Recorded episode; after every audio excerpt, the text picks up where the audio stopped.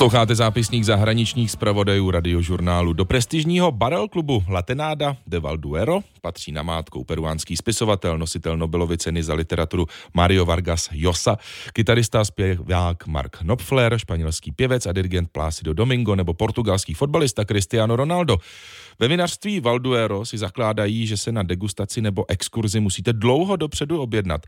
Kolega Vladimír Kroc ale na to nedbal. Přiřítil se jednoho podzimního pátku po třetí odpoledne do prestižního podniku se dvěma kamarády na motorkách a bez ohlášení. Nejdřív si mladá profesionálně zdvořilá recepční se třemi podezřelými chlápky s exotickým dialektem a v zaprášených motorkářských mundurech nevěděla rady, ale zanedlouho se nás ujal mladý, sympatický muž jménem Ignacio de Lux Roxán Kalvo z oddělení exportu společnosti Valduero Bodegas.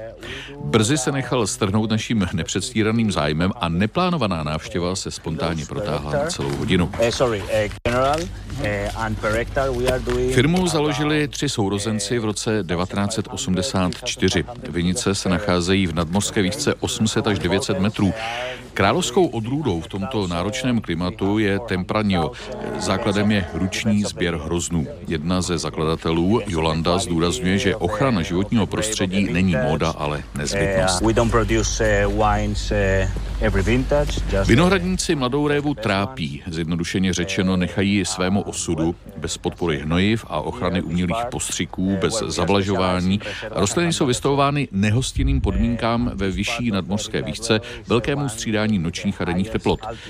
Tento macejský, nebo chcete-li spartánský přístup přečkají jen ty nejodolnější, kterým se podaří hluboko zakořenit. V posledních mimořádně suchých letech se ukázal tento přístup jako velmi prozíravý. Řeka Duero je něco jako zdejší menší Rýn, pramení v Iberském pohoří, protíná Kastelskou Vysočinu, zavlažuje spoustu vinic, víc než 100 kilometrů, tvoří hranice mezi Španělskem a Portugalskem. A tam se vlévá do Atlantiku přímo v portu. Není snadné se odlišit od desítek, ba možná stovek okolních vinařství. Jak vypráví Ignacio, v roce 1996 postavili podzemní vinný sklep vyhloubený do svahu a zpětně zasypali zeminou. Výsledkem je umělá jeskyně, kde se drží stabilní teplota a není potřeba utrácet za čím dál dražší klimatizaci. Nedávno zavedli technologii lisování hroznů gravitací. Šťáva padá přímo do dubových sudů. Většina vín zrají ve více než jednom sudu. Rozsáhlé sklepy obsahují 3800 sudů, některé jsou z 19. století. Od roku 2015 pořádá vinařství Valduero uměleckou soutěž Valduero Artist, na kterém spolupracují s Fakultou výtvarných umění Madridské univerzity Komplutence. Studenti se snaží přeměnit staré vinařské sudy v umělecké dílo. Ve zdejším muzeu umění jsou jejich díla k vidění a ročně navštíví na tři tisíce příchozích.